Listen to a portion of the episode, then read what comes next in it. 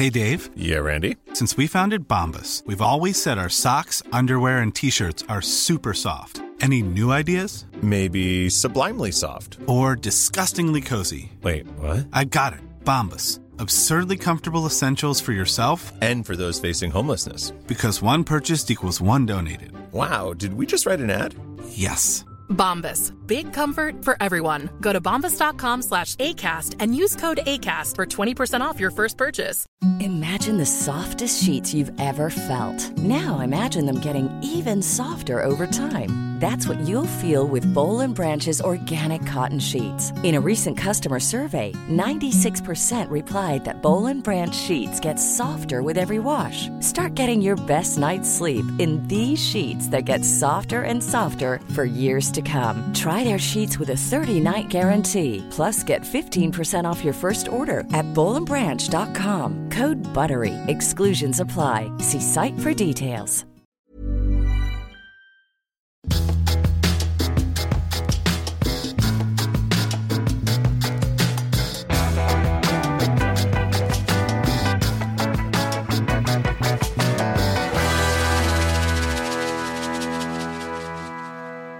Dag, fru Schulman. Men god dag fröken Söderlund. Det var ju inte så många dagar sedan. Nej, du är prickig, ser mitt norra öga. Ja, du Skådar med. Mm, konstigt. I mitt är södra öga.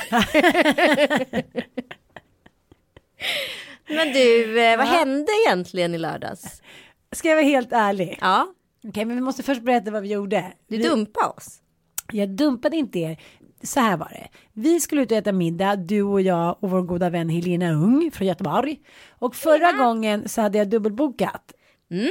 Så då eh, bokade vi om till två veckor senare. Och sen så tog det ungefär en timme och en kvart efter du kom, efter vi hade sagt att vi skulle ses. Nej, Jo. tre kvart. Nej, nej, nej, nej, han försöker inte Kvart i försköna fem det kom nu. Det kom en timme och en kvart sen. Strunt samma. Det är så du är. Men, men- det var väldigt roligt att du kom med ett par väldigt stora glasögon. Jag antog att det var för att du skämdes så mycket för att du var så sen. Men det var det inte. Men jag hörde en tjej som jag känner som har dejtat mitt ex. Ja. Och så gick de på sin första dejt och sen kom hon så här en kvart för sent och då var han skitsur. Och då sa han så här, min kvot är redan fylld av Ann Söderlund. Alltså, ni ska bara veta hur det är att ha en Ann Söderlund i sitt liv. Det är att man så här, kommer ihåg det här, inga Sörman, inga Sörman kommer alltid för sent. Kommer man för sent så stör man. Ja, men, men jag tänkte faktiskt på en grej som eh, du och jag och Helena Ung pratade om. Eller hon sa så här till mig, man väljer ju själv.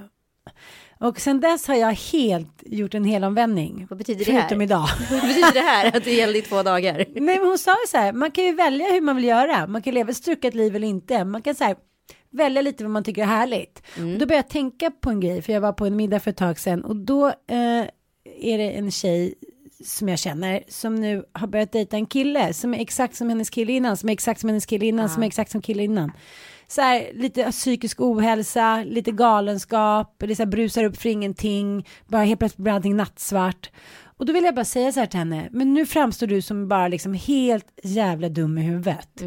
Och då tänker jag på de här människorna som kan välja en annan väg i relationer eller jobb eller hur man nu gör. Men som ändå gång på gång går i den follan där de är kaospiloter. Och då kan man ju känna att jag själv kan känna att man när man är stressad, man är mycket på gång, man känner sig betydelsefull, att man får en jäkla eh, bunch of energy av Ja, det. visst. Men mm, att det faktiskt är väldigt självvalt. Det är väldigt få människor som inte kan komma i tid eller som inte kan vara struckade om man vill. Det är bara så här, nej men eh, nu är jag hemma hela veckan och gör matlådor eller fixar det hemma eller ber om hjälp eller gör något liknande.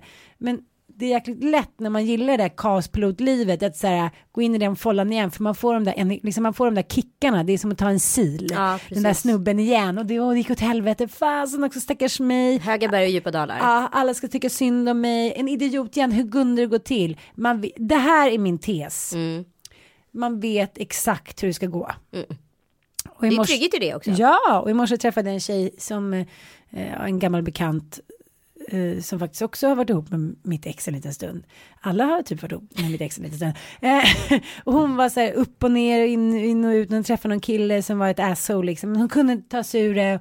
Hon var verkligen så här utanpå kroppen. Ja. Så det är väldigt lätt att hamna i det där. Men hon, jag såg ju och hon sa att hon hade ju valt det där själv. Men nu kunde hon inte gå liksom. Nej, men tillbaka till våran middag i alla fall. Ja, förlåt. Ja, det var ju väldigt smart upplägg måste jag säga. Mm. Att vi sågs fyra och vi var hemma nio. Jag vet inte när du var hemma för du och jag skulle gå vidare var tanken. Sen Ja. så kom vi till Sturehov där Mattias hade herrmiddag. Till att börja med, hur fan är man elak är man när man crashar en herrmiddag? Men han var två. jätteglad. Jag såg inte vad vi kysstes mycket. Ja, ja, han var ju bara glad för att han var tvungen. Är det något jag inte förstod här? Okej, eh, och sen så sa du bara helt plötsligt bara hej då! och så var du liksom, så gick jag och Helena. Ja, men det var ju för att jag ånyo hade dubbelbokat. Alltså då åkte jag på en annan tjejmiddag. Mm. Och så var jag där några timmar, sen åkte jag hem. Jag hade faktiskt barnvakt. Mitt gamla tjejgäng från gymnasiet. Just det. Mm, det var mysigt. Ja, det var fast det väldigt- var ju roligt att du mörkade den tjejmiddagen under hela våran middag. Men det var inte, det kom inte upp på tapeten. Nej, så det gick till. Den här bortfintningen på slutet var ändå, eh, alltså jag ska ta med mig den. Ja, den, den ska jag använda nästa gång. Men, men då blev du sårad över det här? Nej, absolut inte. Det var bara väldigt roligt att vi skulle gå vidare och så blev det en helomvändning. Bara, Puss, puss, puss Mattias, hej då! så var det liksom okej. Okay. Men han tyckte att det var det bästa som hände på hela kvällen när jag kom. Han sa det. Men det som hände som, som vi pratade om att det är så viktigt ibland, det blir så lätt att när man har barnvakt så blir det att man går på olika ställen. Eller att en är hemma. Bara för att det är lättare så.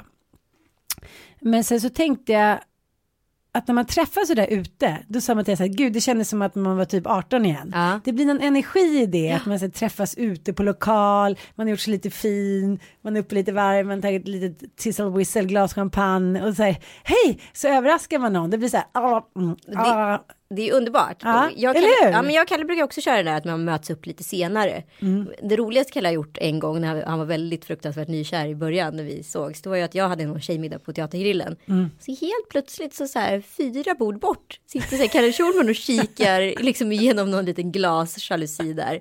Jag bara så här, vad gör du? Nej men jag vill inte störa. Det var ju som att ha så här morsan vid bordet två bord bort som i Sällskapsresan liksom. Man bara, men tror du jag kan så här, så här sitta och slappna av min tjejmiddag nu när du sitter och så här tjuvkikar på mig fyra bord bort? Men jag förstår det, men samtidigt måste jag säga, när man är sådär nykär så är det något i ens energier. Ja. Ibland, det är bara att man hamnar på samma ställe hur det än blir. Nu visste ju han i och för sig att jag var på Teatergrillen. Kan man ju undvika att gå dit. Kalle gjorde ju å andra sidan det roligaste mot mig. För jag kraschade nämligen en killmiddag som han hade på Teatergrillen en gång.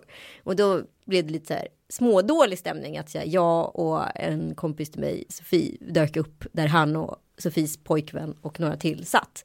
Eh, och då gick vi in och satte oss lite längre in i restaurangen. Och då jobbade Helena Ung den kvällen.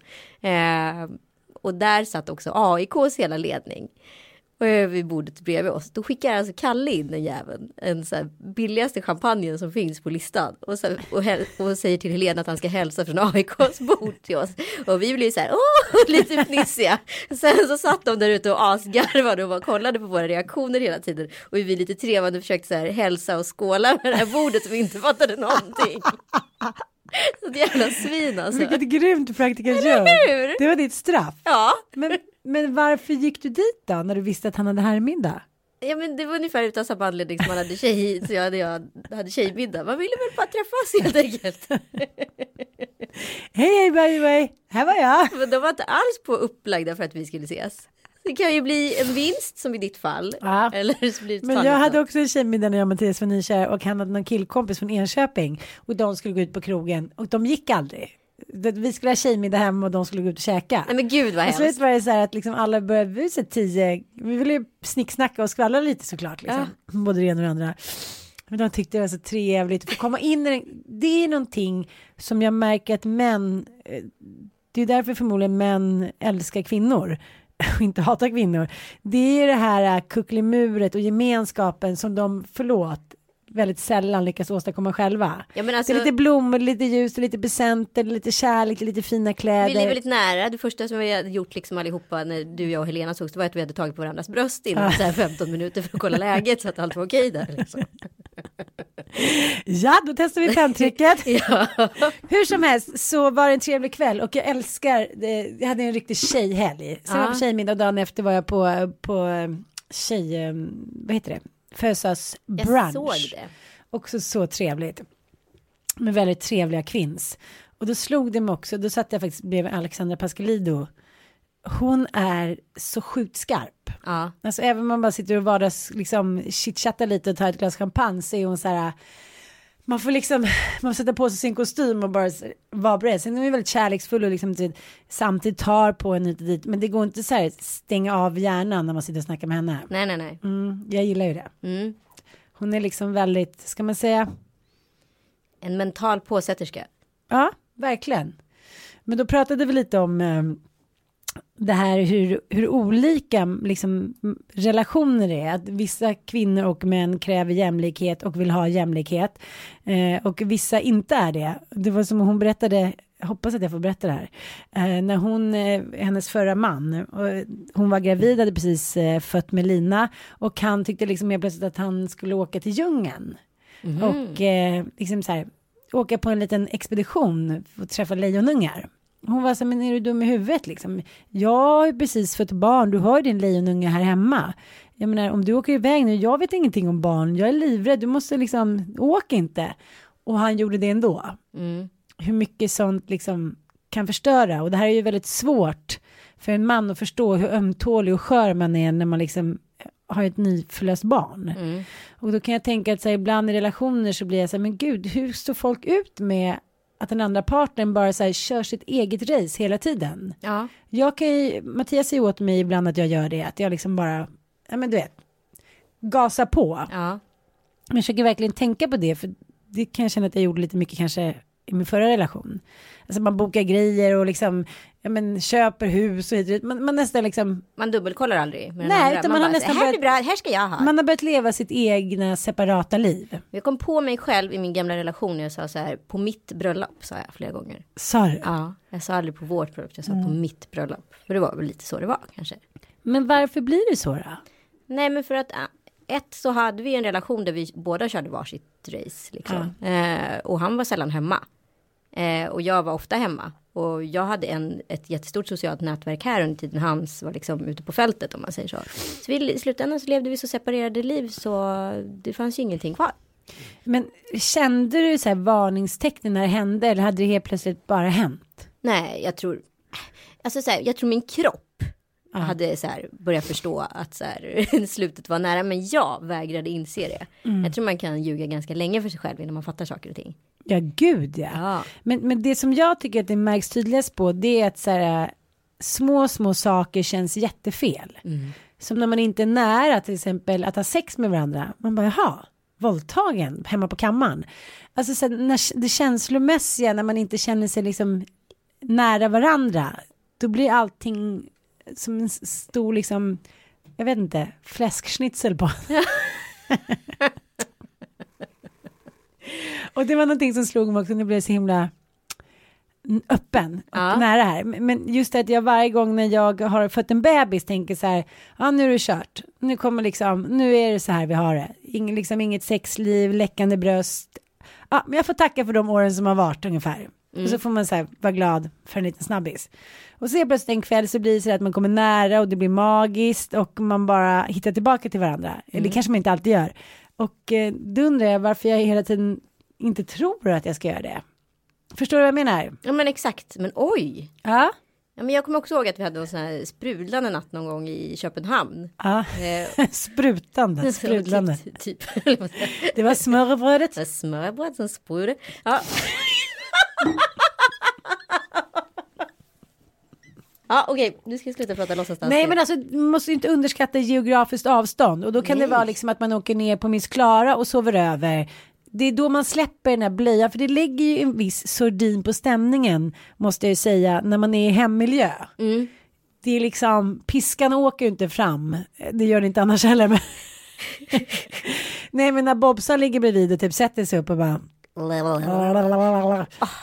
Gud, min värsta. Kan vi prata klart om Ja. det här? Kan vi, kan vi prata om att geografiskt avstånd är väldigt viktigt för att liksom hitta tillbaka till någon form av sexuell fas. Mm, absolut. Prata då. Ja, men det var allt jag ville säga och nu har jag gjort det. Ja, men jag tyckte Ja. du skulle berätta lite För om jag gick du... från sovrummet ut till soffan. Vilken Ja, det kan bli så jäkla Ja. spännande i hemmet också. Ja. Stå och byta miljö. Så konstigt. Ja. Barnens sängar. Men du, hade, det hände någonting under sexakten nu? Det var mycket trevligt. Ja, men, men- Mattias blev lite rädd. Varför blev han rädd? Den tyckte det blev lite Exorcisten-stämning. Lite rullande ögon och hit och dit. Ja, han blev lite rädd. Jag såg det på. Men det är också Alltså det. så ditt fuckface är att bli som exorcisten? Eller inte som exorcisten utan hon som Lin, tager du Linda Blair? Linda Blair till din fru och älskar din ödelust.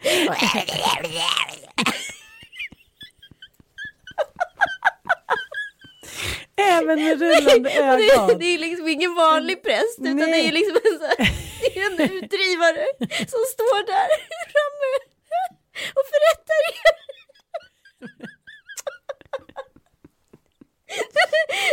Spiritus Sanctus står det så här, kastar, kastar. Vigvatten. Nej, men det jag ska säga är att jag tror att ofta att det finns Män är, ju lite, var, män är ju lite rädda för kvinnors sexualitet. Ja. Alltså, det går inte att komma ifrån. Varför tror du att Kerstin Thorvall fick liksom exorcisten-stämpel? Ja, Varför för att kommer hon- hon upp i var och varannan Nej men podd? för att hon, hon är en av de få kvinnor som har erkänt att de gillar, ha, liksom gillar att ha sex Ja. och tagit sitt. Det känns lite som att många män vill att det ska vara det där liksom spelet att man är här lilla oskyldiga flickan som bara oj då, vad händer nu? Var farbrorn här?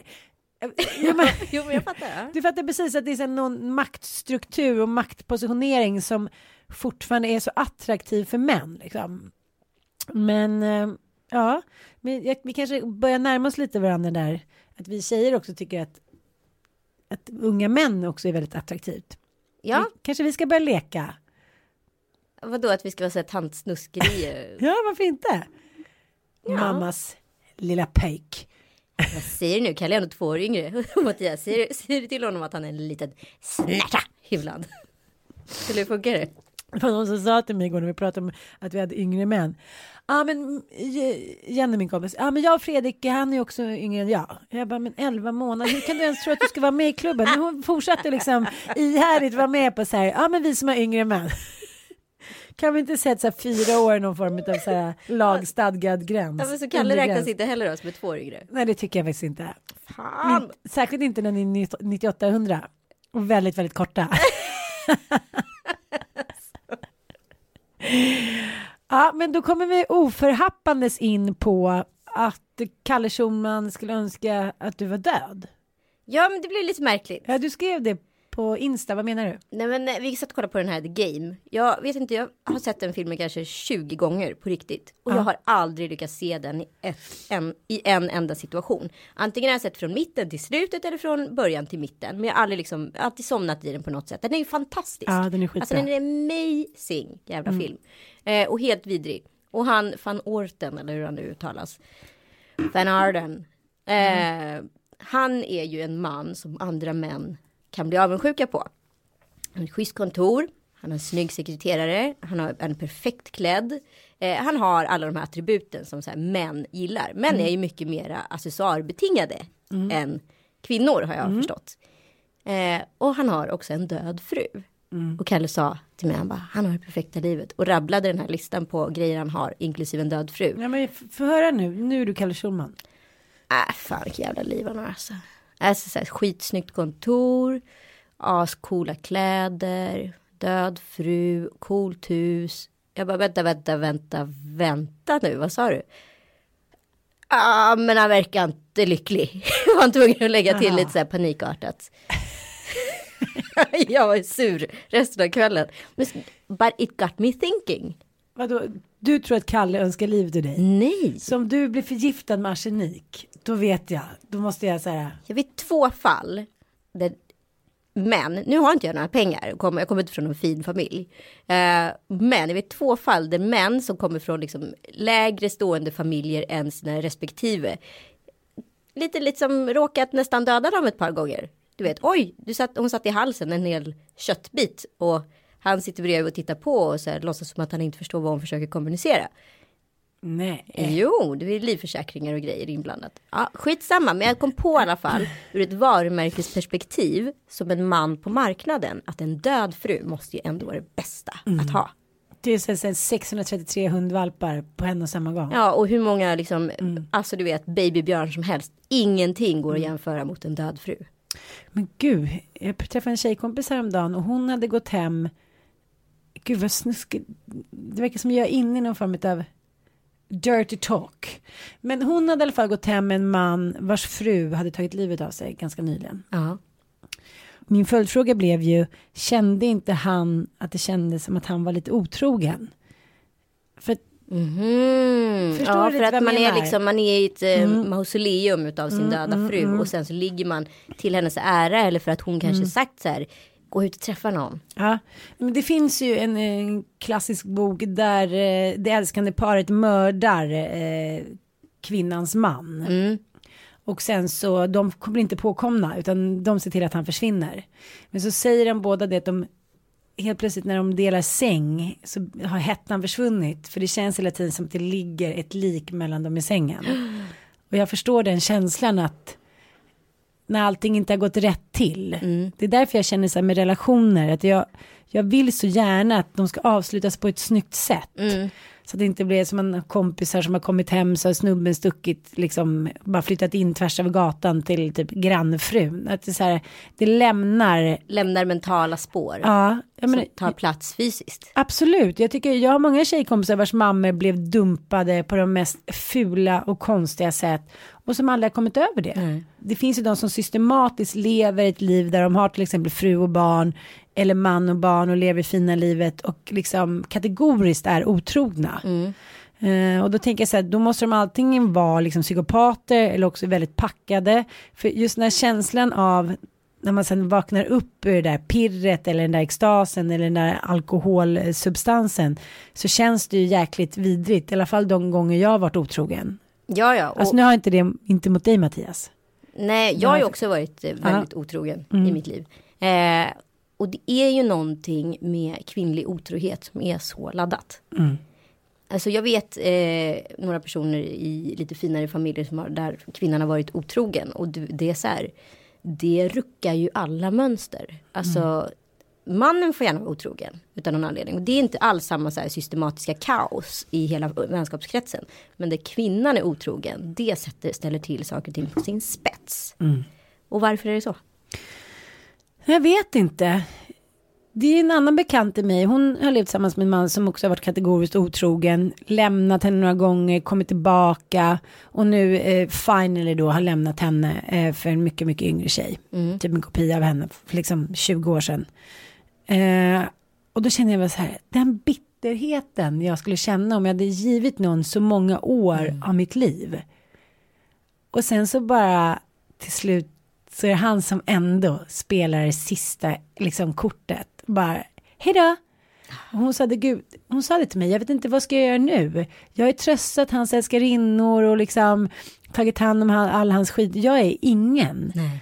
Och jag har träffat henne någon gång ute på krogen och hon har varit lite så här tipsig och skämtat om det där. Vad gör man inte med karlarna? De är bara otrogna och så är man ändå håller fast vid dem. Så fan heller att jag skulle säga vara kvar, hur rik han än var, hur het och sexig. Och man skulle säga konstant bedra mig. Sen kanske man kan förlåta någon gång, det har jag också gjort. Men så här att det är ens liv att vara den första, men ändå den andra kvinnan. Och man bara ser så här hetare, smartare, yngre, roligare kvinnor passerar revy och man vet att det så går till. Tänk dig att gå och lägga dig på natten. Tänk dig vilken jävla usel självkänsla. Men det är ju inte så himla ovanligt som man tror. Nej men verkligen inte. Men jag tror man blir helt identifikationslös. Efter det där. Alltså man tar sig tappa allt. Så här, vem är jag? Vem kan man lita på? Vad är jag? Alltså alla de där frågorna måste ju komma upp. Sen kan man bli helt galen också. För jag träffade en annan kompis som så här, är inne i något så här superintensivt. Jag förstår för hennes skull. Eh, psyko, psykoterapi just nu. För hon håller verkligen på att bygga upp sig själv. Och jag vet, jag, jag kände igen så mycket när jag pratade med henne. Hon har ett visst brinn. Hon har liksom en epiphany, vad heter det? Alltså hon har liksom kommit på någonting. Hon har hittat nyckel svaret på de större frågorna så att säga. Ja. Du fattar? Jo, jag är fattar. helt hög på Ja, liksom bara vara- insikten. Eh, Gröna och man själv så här, sitter och så här, ser så många så här, andra mönster i livet. Man bara så här, men jag förstår vad du är. Det är svårt för dig att kommunicera det här och applicera de här känslorna på verkligheten.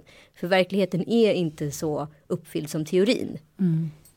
Förstår du vad jag menar? Låter Jo, det men- för komplicerat? Nej, det låter inte för komplicerat, men jag har tänkt på det där idag eftersom jag var på ett sån här eh, medberoendemöte. Ja, Och så tänkte jag så här, men jag skulle gå in på ett möte. Eh, jag tänkte att jag var totalt förberedd. Jag lever inte som medberoende på det sättet längre, vilket man i och för sig alltid gör.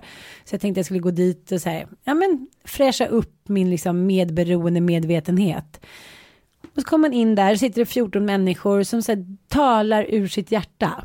Och sen börjar, det finns liksom inget filter, det finns inget så här, nej men liksom jag vet, nej men det är bra egentligen, ingen fara, tänk inte på mig, utan alla är så här, här sitter jag, jag mår piss eller jag mår bättre, eh, de har varit med om de mest liksom hemska saker och ändå sitter de där och lyser som liksom små gudinnor. Mm. Och det är så konstigt att bli inslängd i det där, att det inte är något small talk eller att man måste dricka vin eller att man måste känna varandra i flera år, utan det är så här från noll till hundra med total öppenhet och sårbarhet. Och det är en jäkligt häftig känsla, att man också vågar be om hjälp. Det är därför man sitter där. ja men det är det som är vet du vad jag tycker är mest spännande med sådana här möten? Jag bara får på en grej en gång. Ja. Det är ju att så här, det som gäller, det gäller ju bara i det här rummet. Sen är det liksom som att man går ut och man kommer liksom, det har varit som ett litet så här mikrouniversum i universumet. Då går man ut som är som vanligt igen. Men jag tänker att det är nästan bara på sådana ställen där man liksom får vara det would happen, oh, kanske i Las Vegas också. Nej men jag tänker som Burning Man, det är ju en sån Ja, festival ja. Mm. där liksom bara som uppstår, en stad uppstår ur ingenting och allt är en konstinstallation i en vecka. Alltså den typen av upplevelse är ju jävligt fascinerande. Och det blir ju så mer och mer så, sådana små, små mikrouniversum som bara äger rum här och nu. Och själva live-händelsen är ju det som är det spännande. Ja, men det är ju otroligt spännande. Så går man ut där en timme sen och undrar vad man var med om. Ja, liksom. och det är nästan som att det är overkligt. Mm. Men jag undrar, det är ju ett sätt att be om hjälp eh, och det är ju ett sätt att få lindring. Men så tänker jag att jag har en kompis nu som har råkat ut för en hemsk sak, jag behöver inte säga vad. Och så, så alltså jag är väl, väldigt god vän med henne. Ja. Och jag har ju ringt och liksom och er och smsat hit och dit och hon svarar inte. Och sen ser jag plötsligt så hör hon av sig bara, ja, ja det, säger att hon, att hon verkligen det har varit nattsvart. Och då säger varför svarar du inte telefon? Varför får jag inte liksom komma och trösta? Jag är inte en sån person som vill bli tröstad. Liksom, det kommer för nära då när man ber om hjälp. Och då tänkte jag, varför är det så svårt att be om hjälp? Jag förstår inte det. Jag tycker också att det är svårt att be om hjälp. Man vill inte känna sig vara som den som vill ha hjälp. Alltså då känner man sig utsatt. Det är lika liksom härligt som uts alltså, en utsatthet i det. Jo men det är ju någonting fult i att be om hjälp i vårt liksom, moderna samhälle. För då visar man att man inte riktigt är lyckad. Precis. Ja, man har liksom inte koll på allting. Man, så här, man, trä, man kan inte både träna, göra karriär, ha själsmässigt liv. Liksom, någonting måste ju plockas bort ur den här paletten. Det finns inte en möjlighet att man kan få liksom rymma andlighet och världens stressigaste liv. Jag känner det själv. Det är det som jag tycker får stryka på foten när det är så mycket att göra hela tiden. Det är att jag, jag känner mig typ lite ytlig. Mm. Och hur är det att låna ut saker till sina kompisar förresten? Ja, Apropå det här med yta. ja, Vi har ett dilemma här. men vi har faktiskt veckans dilemma. Ja. Men så här är det. Att jag vet inte om jag har rätt eller fel. Det var därför jag ringde dig förut. Mm. Jag har ju eh, separerat från mitt ex. Jag har haft sommarställen. Alltså det har varit liksom, vad ska man säga? Det har varit en, Ska vi också börja förklara för lyssnarna att du är en hoarder av rang. Jag vet ingen med så lite tid som åker till Myrorna kanske tre gånger i veckan och hittar saker som ska magasineras här och där. För att du kan inte här, sluta fynda. Inte tre gånger i veckan. Nej men typ. Nej men det är också så här, det är också en, en dels så är det ett, intresse. Ja, Bara för att det är så här, en, är så- om du kommer hem Det till är mig. ganska det inte skrymmande så här- intresse liksom. Nej men jag är lite trött på det där. Bara för att det är så här, ett kvinnligt intresse så ska det liksom på något sätt definieras som en galenskap. Nej, absolut jo, det är inte. det du gör nu. Det Du kallar mig för inte. hoarder. Ja, men du är ju en hoarder. Kan du inte bara erkänna det istället? På vilket sätt är jag en hoarder? Varför definierar du mig som För hoarder? att du har så mycket möbler så du inte vet vad du ska göra av. Det är sant. Men har du sett de där dokumentärerna om riktiga hoarders? Ja. ja men då skulle du tycka att jag var så här svensk Men om vi samlar ihop alla dina möbler nu då, som du har lejat Ja, ut på dina ja. kompisar och vind, vindar och allt vad det är. Jo, men på sättet är ju att jag blir väldigt så här attached till mina möbler. Ja, det blir ju hoarders också. Ja. It's your babies. Where is my little, little carpet? Eh, Okej, okej. Du, du menar så? Att Mm. jag är alltså känslomässigt engagerad i mina gamla fåtöljer? Exakt. Det är jag. Ja, Men, det här är jätteobekvämt för dig, jag märker det. jo, men jag bara kommer att tänka på de där röda sammetsfåtöljerna Ja, som jag tänker på minst en gång i veckan var de har tagit vägen. Ringer Jessica en gång i halvåret och frågar så kan jag inte få köpa tillbaka dem för den där 500 du fick dem av. Men då är det så här, de är borta någonstans eller de vill ha kvar dem. Det är ju så här, jag Du har alltså lånar- ut massa möbler till Jag lånar ut grejer och möbler och är ganska gränslös när det gäller sånt. Dels för att jag känner att en liten del av mig är där. Dels för att jag också känner mig som Moder Teresa för att kanske någon som inte har råd att köpa grejer till sommarstugan, då kommer jag dit. Ah. Med fåtöljer, med utemöbler och plötsligt så är det mycket mysigare. Mm. Mm. Mitt problem är ju att jag sen börjar längta lite efter mina hoarders, hoarder babies. Nej men ibland säger jag ju faktiskt så här att det där vill jag ha tillbaka. Mm. Och då känner jag också lite utnyttjad helt plötsligt fast jag själv har gått med på det. Mm. Men som mitt sommarställe på Gotland när jag sålde det så var det någon kompis som sa ah, men jag åkte förbi, jag tog den där stora utemöbeln eftersom du ska väl ändå inte ha den. Det var så Men vad utemöbel. har du för kompisar? Ja, men det var kanske inte så superkompis. Nej, nej.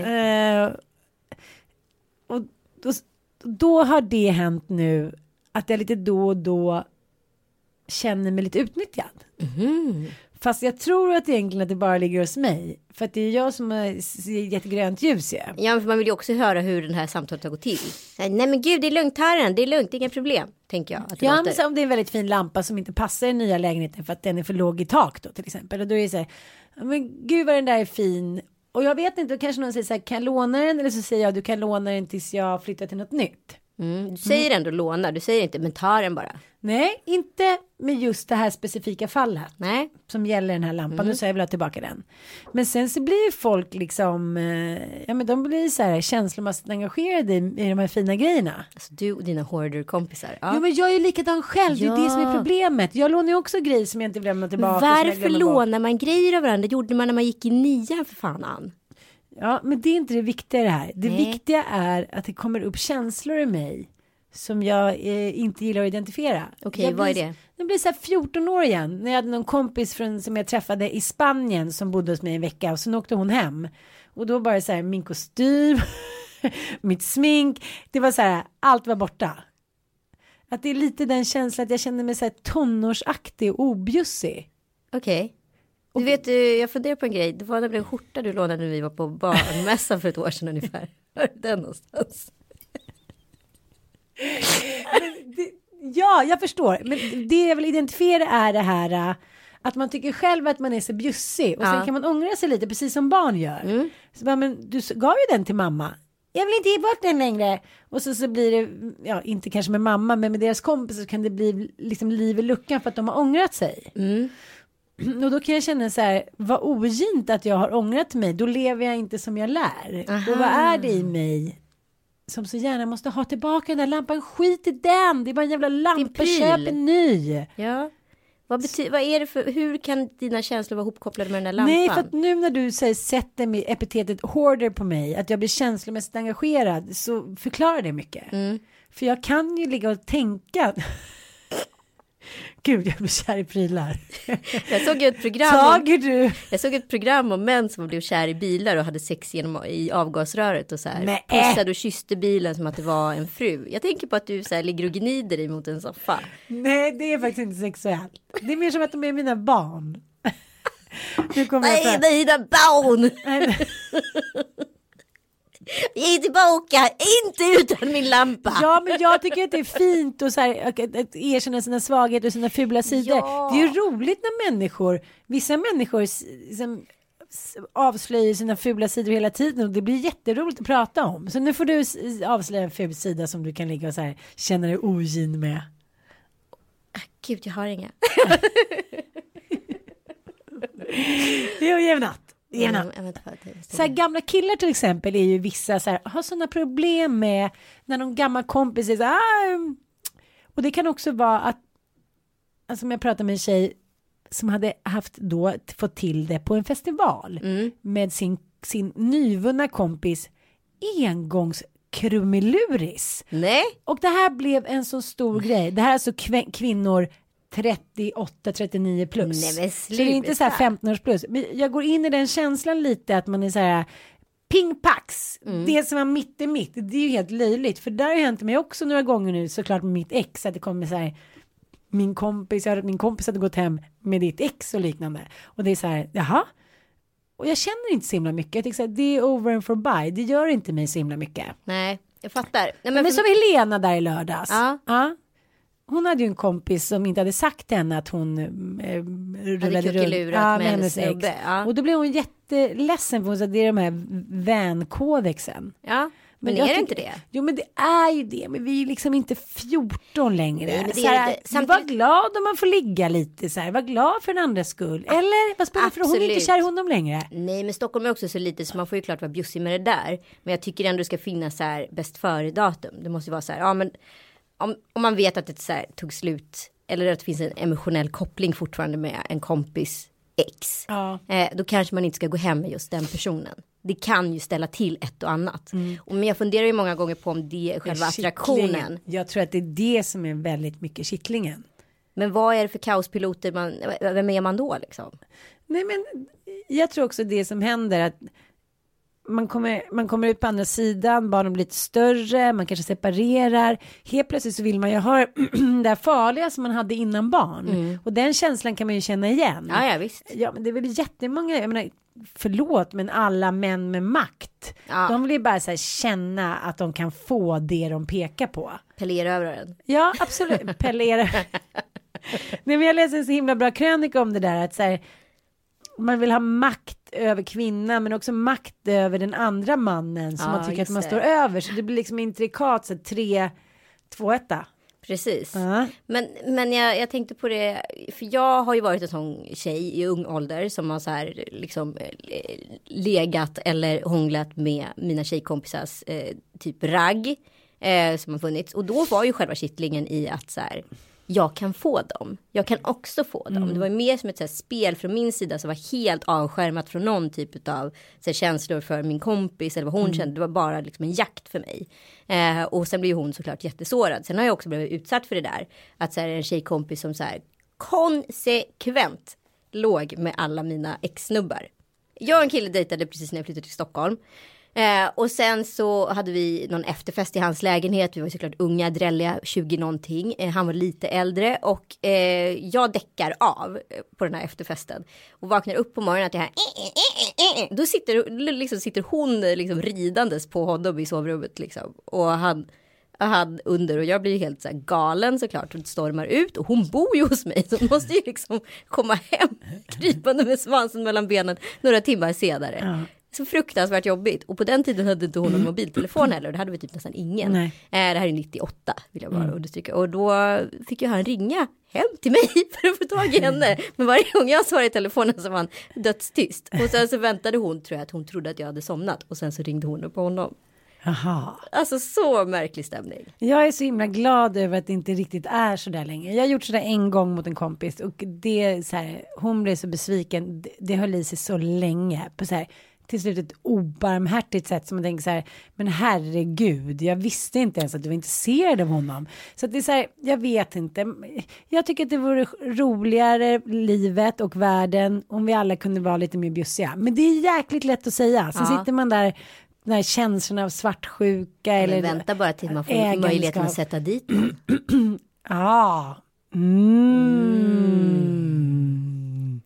Tänker inte du så ibland när du vet att någon är otrogen eller någon har gjort något fuffens på jobbet eller bara så här du vet någonting om någon kändis som du vet så här som du tycker är jävligt ofräscht liksom. Jo. Ja, att du vill så här, sätta dit den. Ja. ja, men det hände ju dig och mig när vi käkade din namnsdagsmiddag. Ja. Ja, det har vi inte pratat om. Nu kommer det. Ja. Nu kommer en rafflande avslutning på Lille Lördag. Ja, och vi ska avslöja vad heter vinnarna. Så följer Ja, oss till Gran ja. Canaria också. Ja, men vi pratade ju en tidigare podd om att Hasse Shimoda smsade mig så här, eh, är du tjock eller har, är du gravid eller har du bara blivit tjock? Och jag var så här, haha nej det är jag lite sommartjock bara, ingen fara typ, tjenis. Fast jag egentligen vill skriva så här, men hörru din jävla idiot. Så, här, så där skriver man inte till Nej. en kvinna så här, hoppa i sjön, hej då. Men istället så bara, ingen fara, för jag ville bara så här chill och härlig och så här henne schyfferskt. Ja. Mm. Men då satt ju du och jag på en middag. Mm. Och då kom det ju fram. Det är så roligt med dig med, för vi känner ju inte varandra så himla väl. Alltså vi har ju ingen, vi, vi har ju ingen baktid eller på så här. Nej, vi, har, vi känner ju varandra sedan länge, men vi känner ju varandra ytligt. Absolut, vi vet, vi vet, men vi har ju så här ingen riktig liksom. Backstory, nej, nej. nej. Det som händer är att du berättar att du har haft en liten fling med Hasse Shimoda och att han en gång har skrivit att du är så liten så man ser inte dig ovanför borden på Brillo. Det var ju inte han som skrev det, var, det var ju någon annan på hans redaktion som skrev det. Men jo, vi har haft en fling för Ja. tusen Ja. år sedan. Ja, som sagt, stoppa Ja. ner litet. Men eh, då har jag någonting på honom som Precis. du skulle kunna få använda. Ja, precis. Och det ville, det ville jag då nu i mitt upprörda tillstånd använda för att sätta dit honom. Ja, Liksom, nu skit i det. Så man får ju garva och säga, är man med i spelet och leken så får man leken tåla. Men den där känslan av att man ibland vill så här, sätta dit. Ja. Att så här, en hämnd kan vara så jävla Ja. iskall. som, jag har fått kompisar eh, vars män har så här skickat, de har fått brev så här, din fru är otrogen eller vice versa, din man är otrogen och så här. Då sitter det någon på jobbet eller på kammaren som bara inte kan låta bli att stoppa fingret i syltburken. Och jag kan förstå den känslan så här. Men jag tror att det till syvende och sist handlar om att då kanske sitter någon man som vet att den här frugan är otrogen. Han tycker det är moraliskt fel. Han vill kanske också liksom ha lite tätt tätt i, du vet, på firmaresan fast inte vågar. Och då måste han liksom sätta sig på ett faktiskt sjukligt sätt, alla så här när lammen tystnar och skriva så här ett brev och avslöjare och så här avsändare ingen typ. Jag vet inte. Och, och Det finns jag, något grisigt i det där. jag kan förstå din känsla men samtidigt så är det så här, men fan, du har ingenting med deras kärleksliv att göra och jag tycker ofta att det är så här att folk verkar valt det. Säga, ja, det är lite så här, Men man vet inte vad de har för upplägg heller. Nej, Kanske kan- liksom är outspoken i deras relation. ja men det är som allt med så här kändismammor som säger så här, ingen fara, det är så lätt och jag ser ut så. Man bara, du gör inte alls det, du har opererat dig. Ja. Förstår du? Ja, ja, ja, du opererar brönen, de, de ser inte alls ut så. Människor som inte vill erkänna att de har förbättrat sitt liv eller att de har gjort någonting liksom amoraliskt. Då är det så här, gud vad känslan, så vad skönt det vore bara så här, hej, var den som skrev det där brevet. Exakt, Ja. eller skriver den kommentaren Ja, etc. precis. Men det, man får ju fan hålla igen alltså. Ja, gud vad mycket man vet. Ja. Jag har ju, det känns ju personligen som att jag har flugit till Tokyo tre gånger den här veckan. För Mm. Tom Allans nya race det är att vara uppe och leka mellan två och fem. Så jag går ju runt i någon sån här kronisk jetlag just nu. Och du reder ut Bobo till högstbjudande på Instagram. Nej men jag börjar undra, igår kväll blev vi så här, måste vi söka hjälp? För att han vill inte gå och lägga sig. Nej. Då hade vi haft två sköna läggningar så här. att Eftersom han inte vill ta välling, han vill inte ta napp, då måste han ha sina små kl- grötklämmisar som han ligger och typ, du vet, grisa hela sängen. Så när man ska, Fan, lägga, så jävla äckligt. Tom Allan ligger och skakar vällingflaskan. Så är ska man så här, lägga sig ner, man bara, jaha, en grötburk. Ja men då är så vem lägger sig på grötfläcken? Det är något helt nytt. den är rolig till mammor. Ja, nu avslöjade vi den. Gud vad roligt det var. Ska du eller jag ligga på fläcken? Mm, och sen till slut då efter mycket om men vi ligger ju som två eh, utarbetade apatiska föräldrar i sängen och så här väntar in att han typ ska däcka. Jaha. Han går ju runt, går över till sin spjälsäng, går ner lite, kollar på Barbara pappa, sjunger. Vi sjunger julen på bussen snurrar runt, runt. Han sitter och klappar, dansar, gör så här svängar fram och tillbaka, skrattar, låtsas så här mimik. Men igår så fick han ett sånt skrattanfall. Det var då jag la ut en bild så här for sale. Och sen var det så här ännu bilder nästan gratis. Men när han kommer på att han kan stoppa in handen i en mössa och göra att det blir liksom som ett monster. Det är ju ändå ganska begåvat. Det är faktiskt sant. Ja, men apropå det, att så, mammas hjärna. apropå det så skrev jag en krönika i Expressen. Ja. Eh, just om det här. För att jag tycker att så här, det handlar ju inte så mycket om att man inte gillar eller gillar sina barn. Men det jag tycker kan vara märkligt ibland. Eh, det är ju att många gånger när jag om jag vet att en projek- ett projekt eller ett, en process kommer vara jobbig, Mm. då tar jag höjd för det. Men om jag inte vet det så kan jag ju bli väldigt chockad utav hur jobbigt det var. Absolut. Ja, och jag- och det är som här- att du blir, det är ungefär som när man får mens. Man bara, va? Ska jag ha mens nu? Det är helt sjukt. Ja, varenda gång. Ja, varenda gång. Hur är det möjligt? Eh, nej men, och jag tycker det är så märkligt att man inte kanske redan får VVC, även fast man tycker att det är superhärligt och man är nyförälskad och bebis och hej och hå och veckor och appar och allt vad det är. Det är ju råhärligt, men man kanske ska också säga så här, ni vet att det här kan bli jobbigt, ni vet att de, det innebär de här sakerna för relationen, ni vet att det kan innebära vabb, det kan innebära löss, det kan innebära liksom Ja, allt just nu känner också. jag verkligen att det är så här lössvarning på mig alltså. Ja, fortsätt. Nej men eh, du fattar för att det är liksom det är som att du går i två år går in i någon jävligt hård utbildning Mm. någonting. Navy Seals. Ja men lite Navy Seals liksom. Och vet man det så tar man ju höjd för det. Mm. Men gör man inte det så kan man ju också bli helt chockad och det kan ju också splittra relationen. Likadant som att säga så här, ni kanske inte ska skaffa barn inom nio månader efter er andra har kommit. Det, kan, Mm. det, det är många som klarar det men det är också väldigt många som inte klarar det. Men jag tror att det är väldigt bra att, att våga erkänna att allting var inte så himla kul som man tänkt sig. Och det var inte heller meningen. Förstår jag menar? Ja, ja, ja. Det är väl som alla relationer. Ibland så kan man hitta den där magin att man har typ suttit och hatat och var mammaledig. Och sen så plötsligt händer det någonting. Så här, ens unge gör en liten tokig grej och så är man världens lyckligaste. Men så är det i alla relationer. Men jag tror att många går in med inställningen att nu ska det här vara bara fluffiga rosa drömmar. Mm. Och så blir det bara någonting helt annat. Jag menar, det är väl därför så många relationer splittras efter första året. Ja men absolut. Men jag säger om det skulle vara lite mer öppet. Hur det verkligen är. Inte för alla. Inte för älskade Charlotte Perrelli eller liksom kanske för andra. Men för oss vanliga dödliga så skulle nog.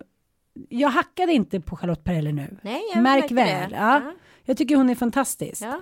Livet vore så mycket tråkigare utan henne. Men vissa människor och lite som min syrra. Det är så här, de har liksom 95 bollar i luften och det är inget problem för dem. Nej. För de lever liksom ett sansat, gott liv. Mm. Och äter bra och tränar och så här. Inget, Inget klaga på. överflöd, de är inte bakis på söndagen. De liksom, eh, de shottar inte med sina bästa kompisar. De är så här struckade människor från A till Ö. Mm. Och då är det nog inte så jobbigt. Det är den där ostrucken som gör att det, Precis. mm, frilanslivet. Mm. Jag har tillbaka min skjorta. Du sa att jag fick det. jag har aldrig sagt. Jag skulle låna den. Okej, Okej, du får tillbaka den. Vinnarna är i vår tävling. Ska vi förklara vad det är? Alla har inte lyssnat på alla. Nej, vi har alltså haft en tävling med Ving. Eh, där man kan vinna, eller vinna och vinna. Man får möjligheten att åka en vecka med oss till Gran Canaria. Stackars er. Till Ocean Beach Club. Stackars er. Vi ska i alla fall hänga där tillsammans med våra familjer och två andra familjer i en vecka. Vilket kommer bli sjukt roligt. Eh, jag, ser, det- jag ser redan framför mig där. Vi hade liksom inte riktigt räknat med att det var så många som Nej. ville åka med oss. För det var ju över 1700. 1700 människor som har tävlat. Ja, tack för det. Det var jätteroligt. Det var inte lika roligt att gå igenom alla bidrag. Jo, det var. Jo, det var jätteroligt. Man fick, det, det, grejen var ju att själv när jag ska skriva sån här motivation varför jag ska vinna saker, då skriver jag en av, A4, en avhandling. Men det här, man fick max skriva 30 ord. Det är inte särskilt mycket. Exakt. Men nu har vi valt två vinnare. Ja. Ska vi ringa? Ja. Ja!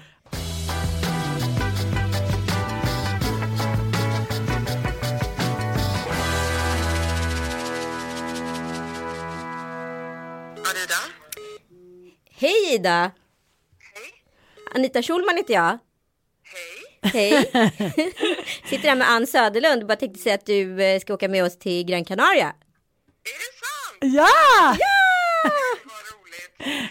Vi älskade din lilla motivering. Lille lördag och familjen är mina två bästa ting. Tänk att få kombinera dessa med en re eh, resa med Ving. Lämna räkningar, tjafs, blodpudding för 100% skitsnack, familjehäng och avkoppling. Att man lyckas rimma blodpudding och avkoppling, det var briljant tycker jag. Fast det går ju inte. Det var ju du som tyckte det. Det är vardag vet du. Ja, det är vardagen. Ja, men fan vad kul vi ska ha i alla fall i januari. Ja, Ja. verkligen. Stort tack. Ja, Ja, vad tack. Kram, kram. Hej, hej. Hej, hej. Jag ska jag ringa andra då? Ja.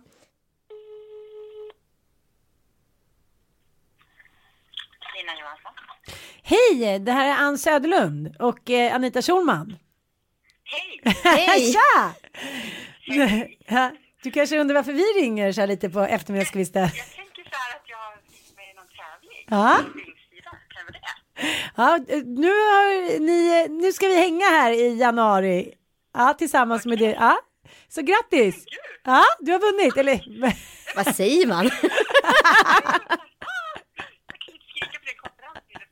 Jaha, okej, okej. Ja, vi hörs snart igen. Fortsätt konferera. Vi ses i januari. Ha det bra.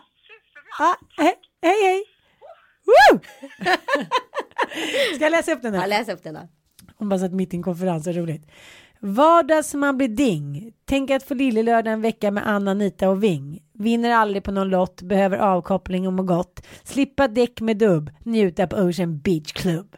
Den tycker jag var bra, den hade jag själv bra. skrivit. Ja, mycket bra. Så, Ja, så tack var det. Tack alla ni som varit med och tävlat. Vi, vi gör en stor resa snart. Ja, men det tycker jag. Löftena. Ja, löftenas löften. Hur går det med våran liksom maskeradlöfte här? Och Det är du som inte vill. Jag som inte vill. Vi har ju fortfarande komma upp med något bra manus. Så där blir när du kallar mig för hoarder. Tack för att ni lyssnade idag. We love you. Puss puss. Puss puss.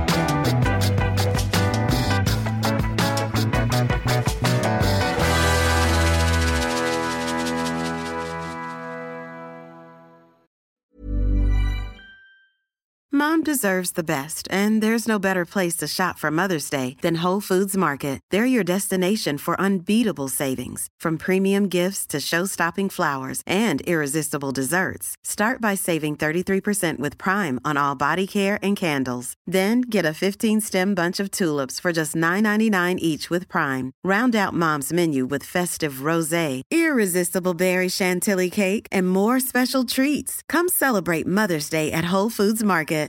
Imagine the softest sheets you've ever felt. Now imagine them getting even softer over time. That's what you'll feel with Bowl and Branch's organic cotton sheets. In a recent customer survey, 96% replied that Bowl and Branch sheets get softer with every wash. Start getting your best night's sleep in these sheets that get softer and softer for years to come. Try their sheets with a 30-night guarantee. Plus, get 15% off your first order at bowlandbranch.com. Code BUTTERY. Exclusions apply. See site for details.